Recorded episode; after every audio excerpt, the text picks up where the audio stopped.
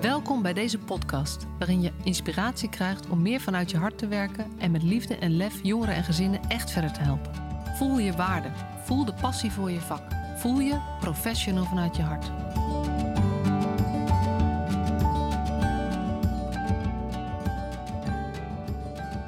Superleuk dat je weer luistert naar deze nieuwe aflevering van de Professional vanuit je hart podcast. En vandaag ga ik in gesprek met Christel Noppen.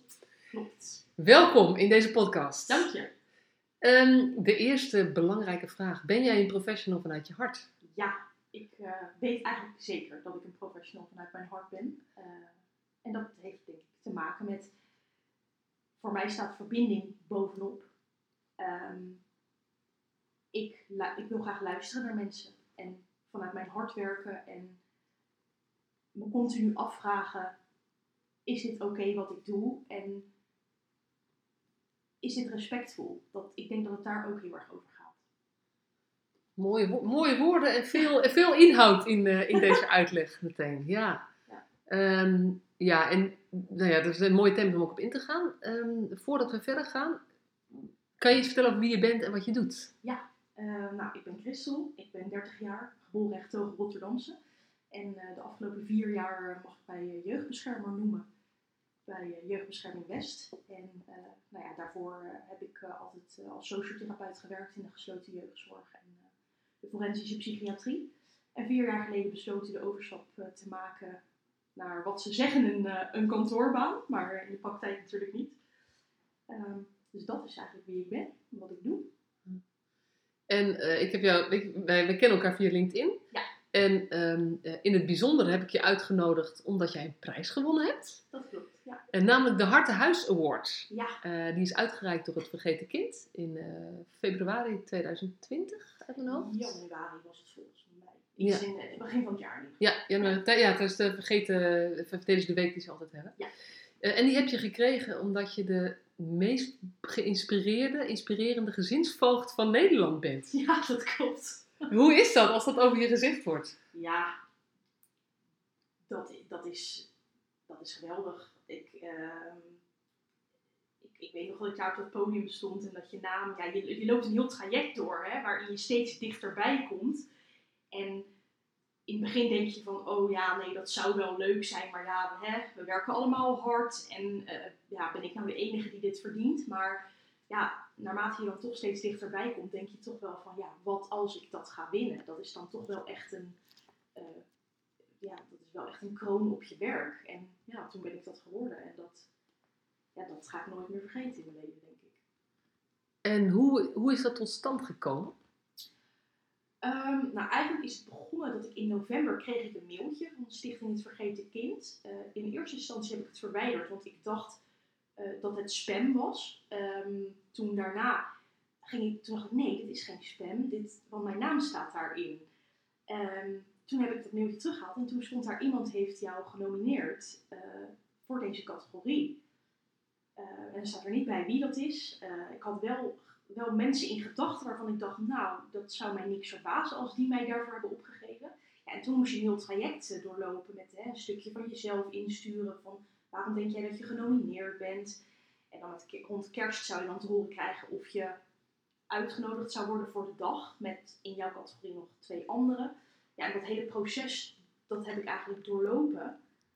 Ehm, omdat je ook, ja, op een gegeven moment wil je, dan denk je, ja, ik zou dit toch wel heel erg tof vinden. Want je, je kan daar wel iets mee. Hè? Het is niet alleen die prijs in ontvangst nemen, maar je hebt ook wel een bereik om uit te stralen hoe mooi het vak ook is. En ben je erachter gekomen uiteindelijk wie je genomineerd heeft? Ja, En waarom? Ja bij de, eh, de laatste mail dat je werd uitgenodigd om naar de uitreiking te komen, eh, stond er onderaan, neem je die en die ook mee. Toen bleek dat ik door twee mensen was opgegeven. Zo. Door een collega en eh, door een pleegouder in een van mijn zaken. Mooi. Ja. Ja, en dus we hebben natuurlijk een reden gehad om je te nomineren. Maar ik weet ook dat er echt een aparte jury is geweest die alle genomineerden heeft bekeken. En wat, is, wat stond er in het juryrapport? Waarom ben jij eruit gerold? Ehm, ik weet de letterlijke bewoording weet ik niet uit mijn hoofd, maar dat, dat, er, dat de verbinding bij mij echt bovenaan staat. En dat ik mij eh, met hart in ziel, en ziel inzet voor de kinderen. Ehm, en daarbij ook eigenlijk heel veel dingen doe die eigenlijk helemaal niks met mijn vak te maken hebben. en indirect natuurlijk ook weer wel, maar eh, en wat, wat het meeste uitsprong is, ik heb geen 9 tot 5 mentaliteit. Mijn dagen duren soms heel lang en dat vind ik ook heel leuk. En betekent het dat je altijd meer werkt dan je contract? Of pak je wel die tijd ook weer terug? Ehm, ik probeer daar wel op te letten. In het begin deed ik dat helemaal niet. En eh, ja, dat komt dan een keer terug. Hè, dat je denkt, oeh, nu heb ik te lang zo, ben ik zo doorgegaan. Uh, dus ik, ik probeer dat altijd wel terug te pakken of aan een vakantie te plakken. Maar ik werk wel, uh, ik werk wel vaak meer dan dat hoeft. Maar dat, daar kies ik zelf voor. Hè. Ja. Dat is niet omdat er elke dag zulke ernstige dingen gebeuren dat dat nodig is, maar omdat ik ook heel veel dingen gewoon leuk vind om te doen. En kan je eens wat voorbeelden noemen van wat je dan doet wat eigenlijk niet bij je werk hoort? Ja hoor, ik eh, zit eh, met regelmaat bij diploma-uitreikingen in de avond. Ehm, ik eh, rij ouders naar concerten waar ze met hun kinderen naartoe gaan omdat ze geen vervoer hebben. Ik ga naar Ikea om de uitzet te kopen als ze op zichzelf gaan rond hun achttiende. En ik rijd dan ook twee keer, want mijn autootje is heel klein, dus daar past niet zoveel in. Ja, dat, dat zijn dingen, dat doe ik uit mezelf. En eh, het staat iedereen vrij als jeugdbeschermer dat wel of niet te doen, maar ik, eh, ik kan daar heel veel energie van krijgen. Mooi hoor. Ja. En je zei, ehm, om even terug te blikken, je, je, bent, je, hebt zo, je bent als sociotherapeut begonnen. Daarvoor heb je SPH gedaan. Ja, klopt. Eh, en toen gewoon, de, de- gewoon alsof het niks is, de gesloten jeugdzorg in de forensische psychiatrie. En op een gegeven moment naar de jeugdbescherming. Dan kan je daar iets over vertellen. Ja, ik eh, werkte denk ik twee jaar in de gesloten jeugdzorg bij twee verschillende instellingen. En ehm, nou ja, op een gegeven moment kom je natuurlijk wel wat meer in aanraking met, eh, met, met gezinshoogte jeugdbeschermers. En ik, had, ik werkte op dat moment denk ik een jaar of acht op de groep. Volgens mij doet de ene microfoon het niet. Dus ik zet hem even wat dichter bij Christel. Even kijken of dat beter gaat. Ik werkte Sorry luisteraars. kan gebeuren, het is live. Ja. ik werkte een jaar of acht eh, op de groep. Ehm, nou, op een gegeven moment wil je ook wel meer. Hè, meer verantwoordelijkheid, meer, eh, ja, meer inhoud in je werk, denk ik. En ehm, toen heb ik besloten om die overstap te maken. Dat ik met gezinsvoogden eh, die hun kinderen bij ons plaatsten in gesprek ging van wat houdt jouw vak precies in en ja, zou dat iets voor mij zijn? En toen heb ik besloten om, eh, om de gok te wagen. Dat ging allemaal heel snel eigenlijk. En eh, binnen een week eh, had ik een baan als eh, jeugdbeschermer. En wat, want je zegt, ik wilde meer verantwoordelijkheid. Ja. Weet je, het is natuurlijk een enorm verantwoordelijke baan, jeugdbeschermer. Zeker. Weet ja. je, we praten er eigenlijk vrij makkelijk over, vind Ja. ik. Van, wat ga je doen? Oh, ga je op de groep werken? Of ga je ambulant? Of ga je jeugdbeschermer? Het, heeft wel, het zijn echt verschillende rollen. Ja. Eh, en, en wat trok je zo aan in dat meer verantwoordelijkheid? Of, of in de jeugdbeschermersrol? Maar ik denk ook heel erg de diversiteit van het vak. Ehm, kijk, op de, op de groepen waar ik werkte, waar ik het overigens vreselijk goed naar mijn zin heb gehad, eh, daar, daar werkte ik wel met een specifieke doelgroep, met specifieke problematiek. En bij de jeugdbescherming krijg ik wel kans om ja, zoveel aspecten van het vak, zoveel verschillende problematieken, zoveel verschillende soorten mensen te ontmoeten. En daar proberen bij te dragen dat dat toch weer wat beter gaat in het leven van deze mensen. Ehm, en dat, dat had ik op de groep, die uitdaging, niet meer. En hier, ja, geen dag is hetzelfde. Het, geen uur is hetzelfde. Als ik op kantoor kom, heb ik een agenda, maar ja, er komt ook nog van alles tussendoor. Ik denk dat ik misschien ook ergens meer op zoek was naar meer dynamiek. Ja. ja, je bent natuurlijk ook veel onderweg, denk ik. Ja, ja, ik ben heel veel onderweg. Ja. Ja. Ik heb eh, veel kinderen ook door heel het land, eh, hè, door, door eh, omstandigheden van de, van de zaak. Ehm, dus ik, eh, ik heb heel, heel Nederland ondertussen wel gezien. En ja, dus je bent heel veel onderweg. Maar als je onderweg bent, heb je ook weer de kans om met heel veel mensen gewoon telefonisch te spreken. Dus ja, je, je, je richt je werk zo effectief mogelijk in. Voor jou is reistijd echt werktijd, zeg maar. Je Ja, gebruikt vaak- het om, om, ja, om te, wel. te bellen met mensen. Ja. Heeft, en, en dat betekent dat je hebt heel, weet je, had, je had natuurlijk al verschillende plekken gezien, maar nu je gezinsvrouw bent, kom je nou, helemaal overal, Ja. zou je kunnen zeggen. Ja. Heeft het jouw beeld van de jeugdzorg van het veld veranderd? Ehm, ik moet eerlijk zeggen, ik ben bij de jeugdbescherming gekomen na de transitie. Dus ik weet niet heel goed hoe het daarvoor ook is geweest. Eh, wel van verhalen natuurlijk, van collega's. Ehm, ik had, ik had niet echt een beeld, omdat ik, ik, ik kom uit gesloten instellingen. Dus dat was mijn enige eh, ervaring eh, die ik had. Dus ik ben eigenlijk heel onbevangen daarin gegaan en kennis gemaakt met een hele nieuwe sociale kaart. Het ging eigenlijk een hele nieuwe wereld voor mij open met ambulante hulpverleners en gezinshuizen, pleeggezinnen. Ehm, ja, nee, dus er ging eigenlijk een nieuwe wereld voor mij open wel. Ja, dat is ook logisch, want gesloten jeugdzorg is natuurlijk een, dat is een heel ehm, eh, indrukwekkend stukje jeugdzorg, maar Ja. ook een heel klein deel van het Ja, totale palet. Zeker, ja. Ja, ja. interessant hoor. En ehm, je zegt ze zitten door heel Nederland. Zie je regionale verschillen? Ja, heel veel. Eh, er zijn heel veel afspraken anders. Hè. Ehm, de toeleiding naar sommige zorgaanbieders is anders. Je hebt regio's waarbij, je, eh, waarbij er een bepaalde tafel is die de residentiële jeugdzorg hè, die beslist waar een kind geplaatst wordt. Terwijl in de regio waar ik werk meld jij het kind aan waarvan jij denkt dat het de beste zorg heeft. Ehm, dus ik, ik zie daarin heel veel verschillen. En niet eens per regio, maar soms ook echt wel per gemeente.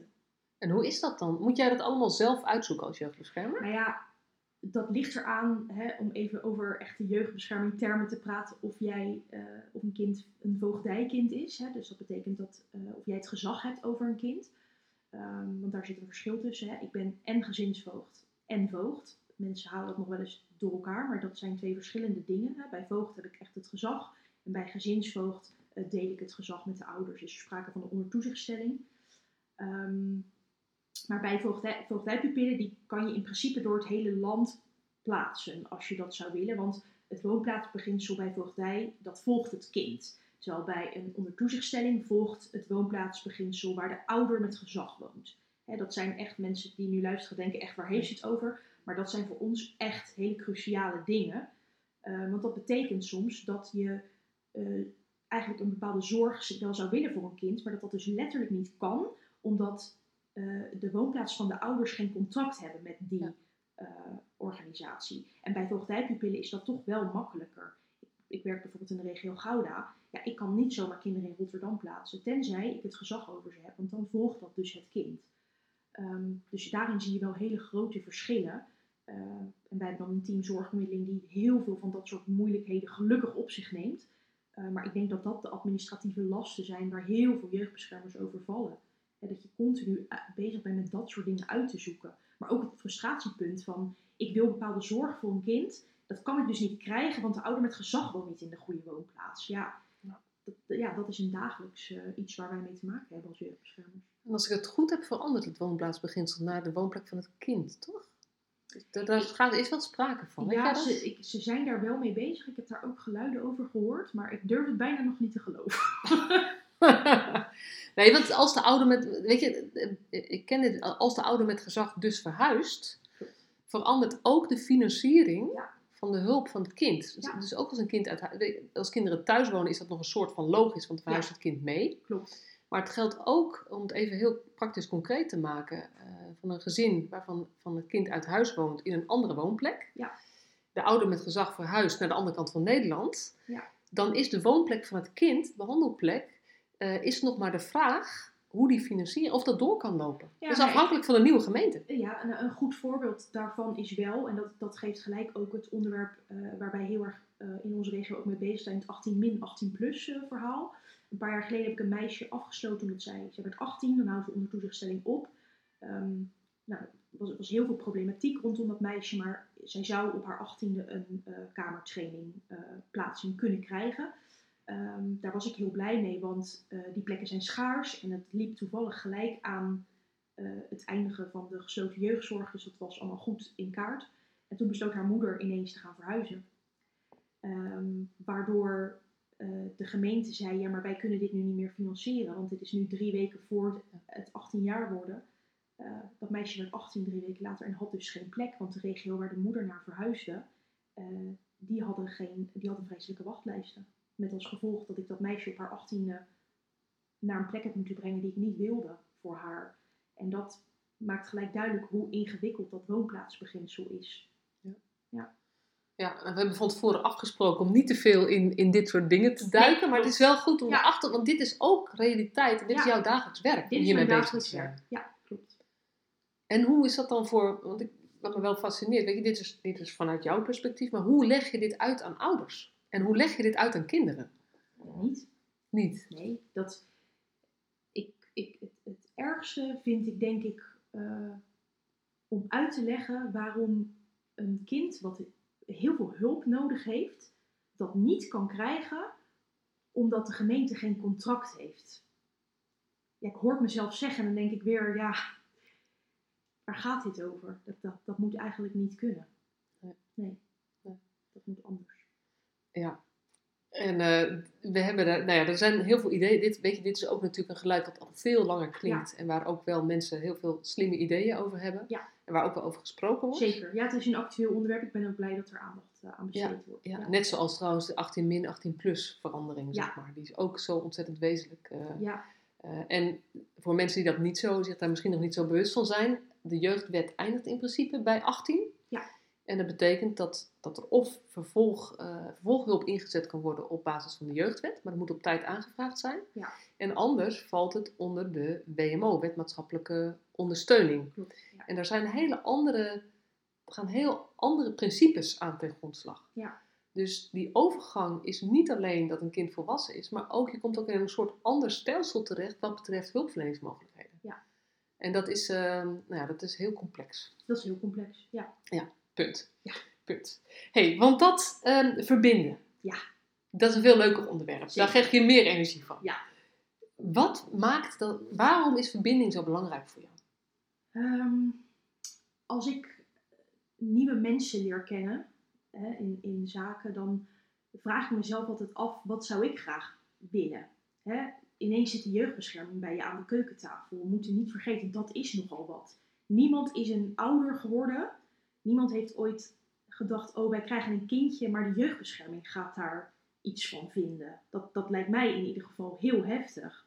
Dus ik probeer wel altijd met mezelf na te gaan van, hoe zou ik dat nou willen? Hè? Wil ik in een eerste gesprek gelijk dat er een laptop opengeklapt wordt en dat er allerlei harde eisen gesteld gaan worden aan mij? Of wil ik eigenlijk gewoon iemand die eerst eens even komt luisteren?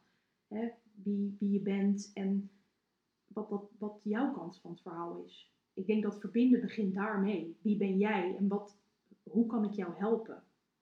En natuurlijk, mijn werk, een, maatregel is niet vrijblijvend. Hè, dus Tuurlijk ben je het er wel eens niet over eens en moet je ook knopen doorhakken als jeugdbeschermer. Daar gaat het vak ook wel vaak over. Ehm, maar soms lukt dat beter op het moment dat je eh, met elkaar in een samenwerking zit, omdat er verbinding is. Positioneren en engageren vanuit Ja. de, de delta, waarbij positioneren soms wat meer nadruk krijgt. En jij Ja. eigenlijk zegt, ja, maar vanuit engageren eh, kan dat gewoon makkelijker. Ja. Makkelijk, ja. Vat ik dat goed samen? Ja, dat denk ik wel. Ik denk eh, het, het, de verwarring die er vaak is, is positioneren hoeft niet vanuit macht. Positioneren kan ook vanuit verbinding. En vanuit wat hebben wij aan elkaar en eh, vanuit duidelijkheid en betrouwbaar zijn, voorspelbaar zijn. Want wij willen graag vaak dat ouders betrouwbaar en voorspelbaar zijn voor hun kinderen. Maar op het moment dat wij dat ook zijn, dan zie je gewoon dat daar meer ruimte ontstaat. Om toch met elkaar een beter traject te hebben. Dus je, je noemt ook een parallel proces. Ja. Dat, zeg maar, als, je- als je iets wil dat ouders dat doen richting, richting hun kinderen of richting hoe ze omgaan met de mensen in hun omgeving, Ja. zal je ook zo met deze ouders om moeten gaan. Ja, je kan ook positioneren door naast iemand te staan. Kan je dat eens toelichten met een Ja. voorbeeld? Kijk, er, er gebeuren dingen. ehm, er zijn situaties, hè, die zijn heel complex, waarbij heel veel onveiligheid bestaat. En daar moet je soms van gaan zeggen: het is niet voldoende. En dat, dat kan op een moment dat jij ook als betrouwbaar wordt geacht. Mijn, dus mijn ervaring, misschien zijn er heel veel jeugdbeschermers die nu luisteren en denken: nou, dat kan helemaal niet. Maar het is mijn ervaring dat ik kan een boodschap eigenlijk beter brengen op het moment dat ik ook naast iemand sta.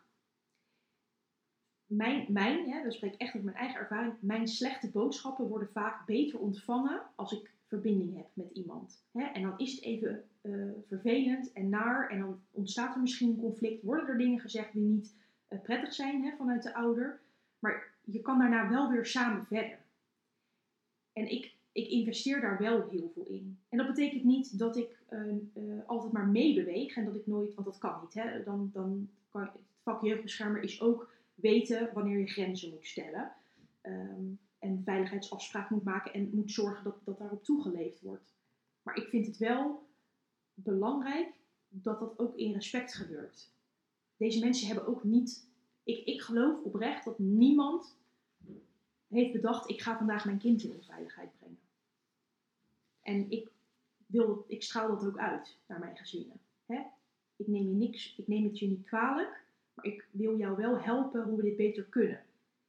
En ouders krijgen dan de kans: gaan ze pakken ze dit, gaan we samen dat, dat doen, uh, of gaat het niet lukken? En dan moet ik daar iets van vinden als het niet lukt. En dat is, dat is heel ingewikkeld, maar mijn ervaring is dus als je daarvoor ook je mensheid hebt laten zien, dat dat anders gaat. Ja, het is iets wat, wat in deze podcast meer naar voren komt, vaak ook in, in relatie tot jongeren, maar nu vertel je het ook in relatie tot ouders. Ja. En ook deze hele ingewikkelde boodschap, met, waarbij je eigenlijk zegt, joh, weet je, ook al respecteer ik en zie ik hoe hard je je best doet, het is, je zorgt niet goed genoeg voor je kind. Want dat is eigenlijk wat je moet zeggen als je ja. positioneert. Klopt. En jij zegt, als het je lukt om eerst die verbinding te maken, kun je dit zeggen. Ja, ja daar ben ik echt van overtuigd. En ik ben er dan niet van overtuigd dat het altijd vlek, daarna soepel zal gaan, maar je hebt iets om op terug te vallen. je kan zeggen, hey, weet je nog dat we, weet je nog toen ik dit zei? Ik denk dat dat voor alle relaties geldt, niet alleen voor professionele relaties, maar als je iets met elkaar hebt, dan, of in ieder geval dat je hebt aangetoond dat je daar je best voor hebt gedaan, dan is er veel meer mogelijk in moeilijke gesprekken. En dat zegt niet dat het altijd zo is.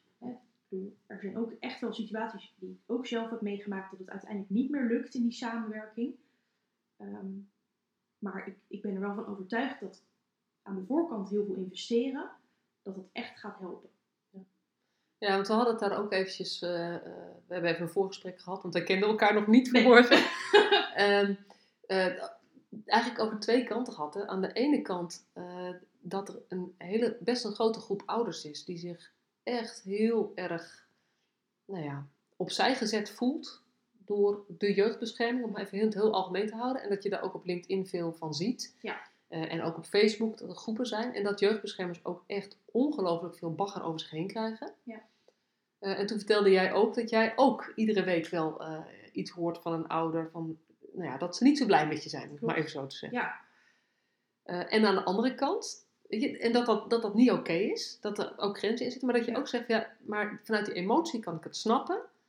Alleen daarna moeten we de verbinding weer kunnen vinden. Ja. En als, die, als je een goede basis hebt, dan lukt dat heel vaak.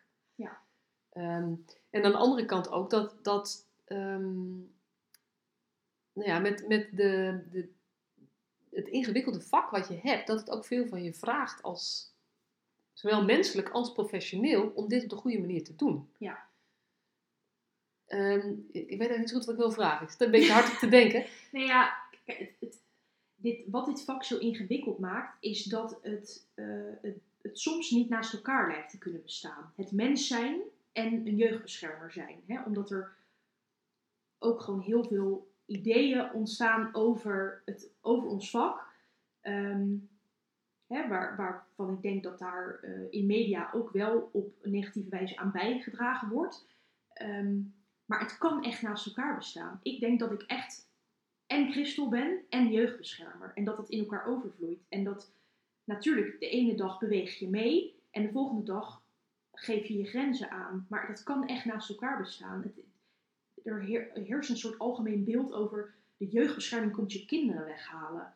Ja, ik hoef denk ik de, de, de, de jeugdbeschermers die nu luisteren niet uit te leggen dat daar ook nog een kinderrechter en allerlei andere dingen aan te pas komt. Ik kan niet ineens bij iemand aankloppen en zeggen ik kom jouw kinderen uit huis plaatsen. Hè? Daar gaat een heel proces aan vooraf. Maar dat weet niemand, want daar wordt bijna niet naar gevraagd.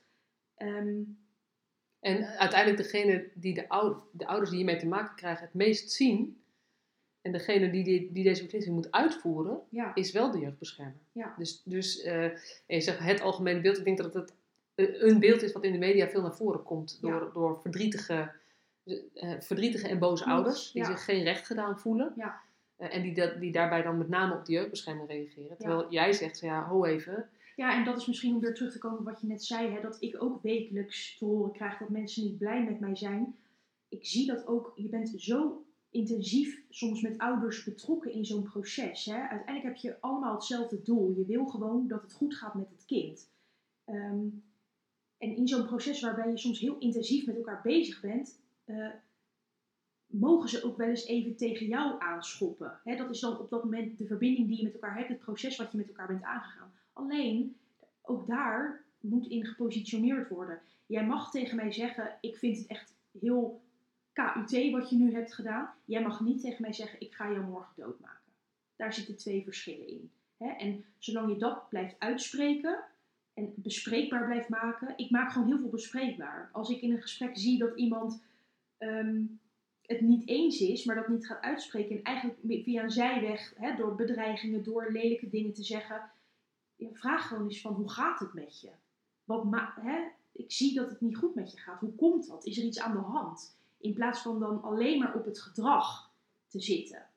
Dus eigenlijk opnieuw, eh, kies ook die kant van verbinding en engageren. En niet alleen het positioneren op wat iemand zegt. Ja, Maar eigenlijk, net zoals dat zeggen, zie het kind achter het gedrag. Ja. Zie de ouder Ja. achter dit gedrag.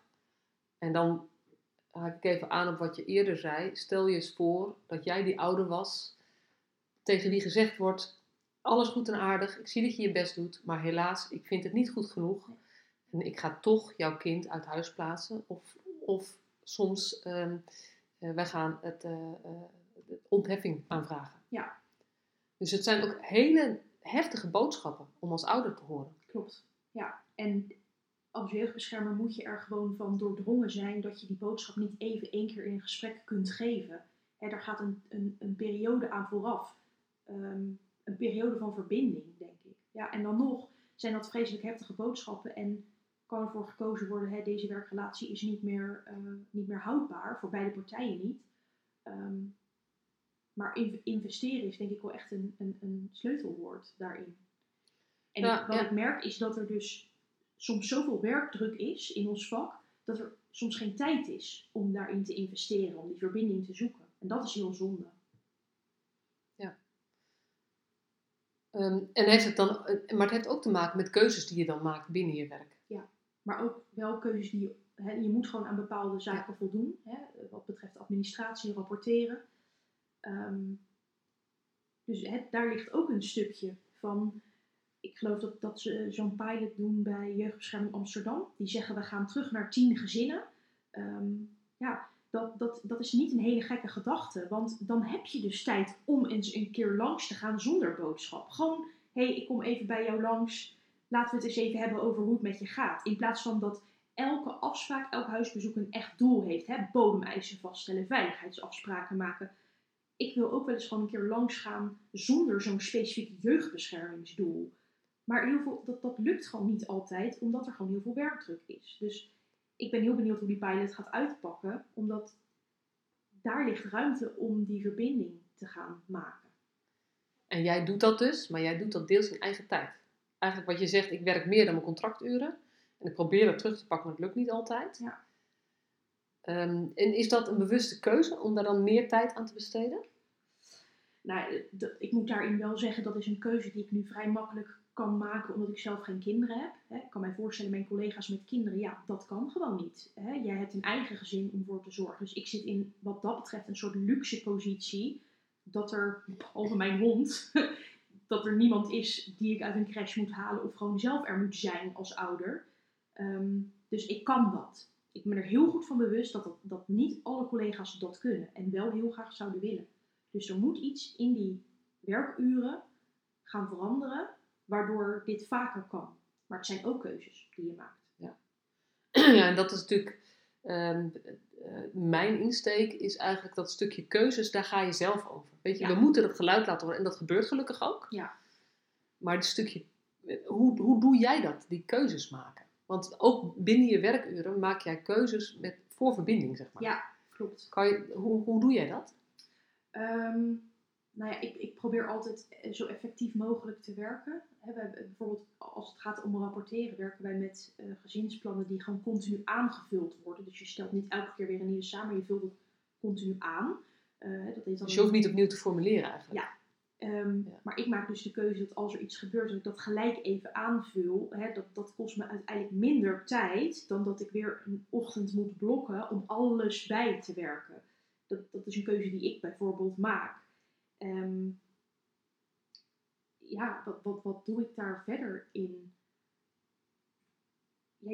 Ja, priori- kunnen prioriteren is daarin heel belangrijk. Hè? Wat, wat is eerst? Wat moet eerst? Ja, als iemand mij belt, het gaat daar niet goed en ik heb een, eh, een afspraak staan die ook een week later kan, ja, dat is dan even vervelend, maar dat is continu schipperen. Hè? Wat heeft nu prioriteit?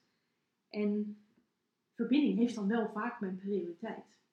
Maar dat is denk ik wel wat jou, weet je, je zei ook van tevoren, ik vind het soms wel eens lastig dat ik die prijs heb gekregen, want ik heb zoveel hardwerkende collega's. En Ja. toen zei ik, ja, maar het is ook, je bent ook wel inspirerend wat dat betreft. Dus het is ook niet, je bent de beste gezin, eh jeugdbeschermer. zeker niet. Nee. Gaat het, daar gaat het niet over, maar je bent wat dit betreft wel inspirerend. Ja. En ik denk dat dat zit in wat je nu zegt.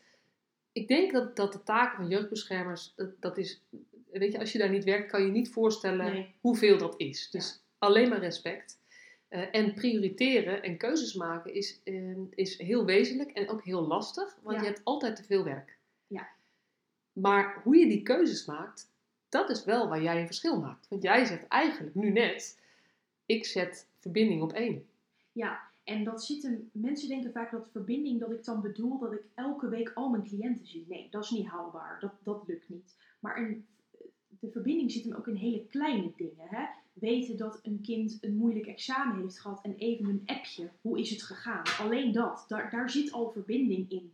Of ehm, een babytje wat één jaar wordt en je wil er alles aan doen om toch een uurtje bezoek te doen, ook al is het in het weekend. Tuurlijk, en dat is een keuze die ik maak om op zaterdag dat te doen.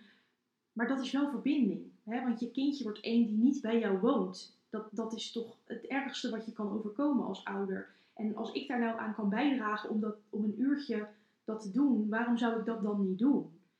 De andere kant van de medaille is dat heel veel collega's dan het idee hebben, maar wij doen dat niet, doen wij ons werk dan minder goed? Nee, natuurlijk niet. Maar dat is ook de, de kern van een autonome professional. Je, je maakt zelf die keuzes. Je bent daar verantwoordelijk voor. Ja.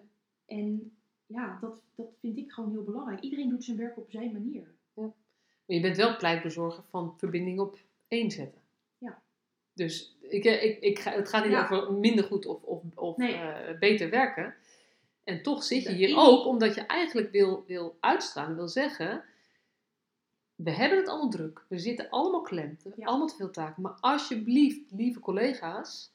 En lieve iedereen in het land, niet alleen de jeugdbeschermers, maar iedereen... Ga alsjeblieft verbinding aan met cliënten. En doe daarin ook wat bij je past. Ja. Hè? Ik roep niet nu alle gezinsvoogden op om op zaterdag een uur bezoek te doen. Echt niet. Ehm, maar het helpt mij wel daarna in het traject van moeilijke boodschappen die nu allemaal gaan komen. En betekent dat dan ook dat je relatief weinig in conflicten komt met ouders? Ook als je soms in vervelende trajecten zit, zeg maar? Ehm, ik weet niet of het per se minder conflicten eh, oproept, maar de conflicten zijn minder heftig. Eh, je hebt sneller weer handvaten om met elkaar door te gaan. Dat, dat ervaar ik wel zo. Want ik, ik zal de laatste zijn die roept dat ik nooit conflicten heb. Dat, dat kan niet. Hè? Dat past ook bij de, eh, de complexiteit van het vak. En je raakt ouders waar je het ze hardst kan raken, namelijk hun kinderen. En daar ben ik me de hele dag wel van bewust. Ehm, dus ja, ik, ja ik, ik vind dat toch wel. Je moet, ik vind echt dat je moet doen wat bij je past. De, op die, alleen op die manier ben je betrouwbaar en voorspelbaar en ook geloofwaardig. Ja. Dus jij moet het doen als Christel, Ja, Max moet het doen als Max, ja, Mohammed moet het doen als Mohammed, ja, Rashid als Rashid, zeg Ja. maar. Zo, zo, zo ehm, daar gaat het om. ja. Want ik, heb, ik moet eerlijk zeggen, mijn, mijn verbinding is tegelijkertijd natuurlijk ook mijn valkuil. Want je straalt ook uit dat ik altijd na vijf wel kom als het nodig is. Maar ik heb ook wel eens privéafspraken. Mijn vader is ook wel eens jarig. Eh, ik moet ook wel eens gewoon naar een concert of iets leuks doen. Dus de andere kant van de medaille is dat je ook eh, uitstraalt, ik ben altijd beschikbaar. En op het moment dat dat dus niet zo is, dan is dat wel even, oh oké, dat, dat lukt dan dus niet. Dus je moet daarin continu eh, ook wel dat bespreekbaar blijven maken. Van hè, ik help jou nu, jij hebt geen vervoer om met jouw kind naar een concert te gaan. Ik wil jou daar graag naartoe brengen, want dat, dat doet iets in jouw relatie met jouw kind. Dat is goed voor jullie allebei. Maar dat betekent natuurlijk niet dat ik elke donderdagavond jou ergens naartoe ga brengen. Dus het- jouw, jouw positioneren zit voor een deel hierin. Ja, In het heel duidelijk maken. Ja, en in het begin, mijn eerste jaar deed ik dat niet. En dat bracht me regelmatig in hele vervelende situaties. Ja, verwachtingen die mensen Heel hebben. veel verwachtingen. Waar je heel onbetrouwbaar van wordt uiteindelijk. Precies, ja. Ja. ja. En dan eh, wordt aangesproken op een manier dat je denkt, hé, maar dat is niet de gezinsloop die ik wil zijn. Ik wil graag geloofwaardig en betrouwbaar zijn. Maar geloofwaardig en betrouwbaar zijn heeft niet te maken met vriendjes maken, maar met duidelijk zijn. En dat mensen weten wat ze aan je hebben. En hoe ga jij om met, ehm, je zegt van, ik ben gewoon Christel en ik ben jeugdbeschermer. Ja. Wat deel jij over jezelf? Want binnen jeugdbescherming, weet je, eh, we hadden het al over binnen, binnen gesloten en binnen forensisch, is dat natuurlijk best wel afgeschermd. Klopt, ja. Eh, als jeugdbeschermer gaat het daar ook nog vaak over, van je moet Ja. niet veel persoonlijke dingen delen. Nee. Maar er zijn veel verschillen in. Hoe ga, hoe ga jij ermee om? Ja, dus dat, dat- dat, dat begrip is wel heel erg breed. Kijk, ik vertel eh, niet waar ik woon. Hè. Ik geef niet een kaartje met mijn adres erop. Ehm, ook omdat privé is gewoon privé. Ehm, maar ik, ik vind het wel belangrijk om dingen over mezelf te delen. Dat doe ik bijvoorbeeld ook, dat laat ik ook wel eens zien in mijn blogs eh, die ik schrijf voor Jeugdbescherming West. Ik, eh, ik heb zelf ook wel verdrietige dingen meegemaakt. Mijn moeder is overleden zeven jaar geleden, was ik best jong. Ehm, als dat speelt in een van mijn casussen, dan probeer ik daarin wel te helpen vanuit mijn eigen ervaring. En ook echt te zeggen hoe ik dat heb beleefd. En eh, niet een of ander theorietje op te draven over rouwverwerking. Nee, hè, voor mij was dit zo. Toch, toch daar in je eigen leven proberen, eh, je eigen verdriet op een positieve manier proberen te gebruiken. En daarbij vertel ik ook echt niet alle details. Want ik, hè, mijn privéleven is mijn privéleven. Maar het is toch heel mooi als je je eigen ervaring kunt gebruiken. Je wordt er toch meer mens van. Ik bedoel, mensen die eh, mogen echt heus wel weten dat ik ook wel eens verdriet heb. Ik heb ook echt wel eens mijn tranen laten zien bij een cliënt. Omdat dat ging over iets wat aan mijn persoonlijke eh, leven raakte. En nee, dat gebeurt niet elke week en zelfs niet elk jaar. Maar dat kan dat kan wel eens voorkomen en dat mag er dan ook gewoon zijn, vind ik. Eh, denkt iedereen er zo over? Nee, of vast niet. Nee, er zijn vast mensen die zeggen, hè, die, die, eh, die heel erg gewoon dat, dat coördinatiepunt willen zijn als jeugdbeschermer en eh, ja, gewoon inzetten op hulp. En dat de hulpverlening dat gaat doen, hè, die verbinding. En dat is ook prima. Eh, ik, ik geloof best dat het in sommige zaken dat dat ook wel werkt. Hè, daar kan je gewoon niet te veel geven. We hebben niet voor niets natuurlijk een landelijk expertise team waarin mensen onder valse namen dingen doen. Hè, omdat het gewoon niet altijd lukt. Maar ja, voor mij werkt dit wel gewoon. Ik ervaar dat dit voor mij werkt. En dat is ook waarom deze rol meer bij je past dan, dan, de, dan binnen gesloten, waar je alles echt veel meer moest Ja, afschermen. nou ja, met volwassenen wel. Hè, dat, Ja. maar dat, dat heeft ook veiligheidsredenen. Eh, maar met, in de gesloten jeugdzorg deelde ik zelf ook best veel dingen. Kijk, je bent een soort, eh, eh, je bent ook een opvoeder hè, op de groep in de gesloten jeugdzorg. Ik bedoel, ik weet dat er allerlei meningen zijn over mensen in de gesloten jeugdzorg. Maar ik probeerde daarin wel ehm, het ook warm te maken. Hè? Kinderen zitten daar niet omdat zij zelf op een dag bedacht hebben, ik ga dit gedrag vertonen. Ehm, en wat mij te binnen schiet nu is, weet je, ehm, ik vind heel mooi die verbinding die je aangaat. Ook de beschikbaarheid met grenzen, wat je hebt geleerd. En ook dingen van jezelf delen. Maar dat puzzelt mij ook een ander stukje. Eh, op op zo'n manier word je wel heel belangrijk. Kun je heel belangrijk worden in Ja. het leven of voor dit kind of voor deze ouder. Terwijl jouw betrokkenheid eindig is. En dat weet je ook al van tevoren. Zeker, en dat is denk ik een heel goed punt wat je daar eh, noemt. Want dat is wel een van mijn leerdoelen geweest in de afgelopen jaren. Ehm, zeker bij een ondertoezichtstelling waar ouders gewoon het gezag over hun kind hebben. Het is uiteindelijk jullie kind. Jullie hebben verantwoordelijkheid voor dit kind.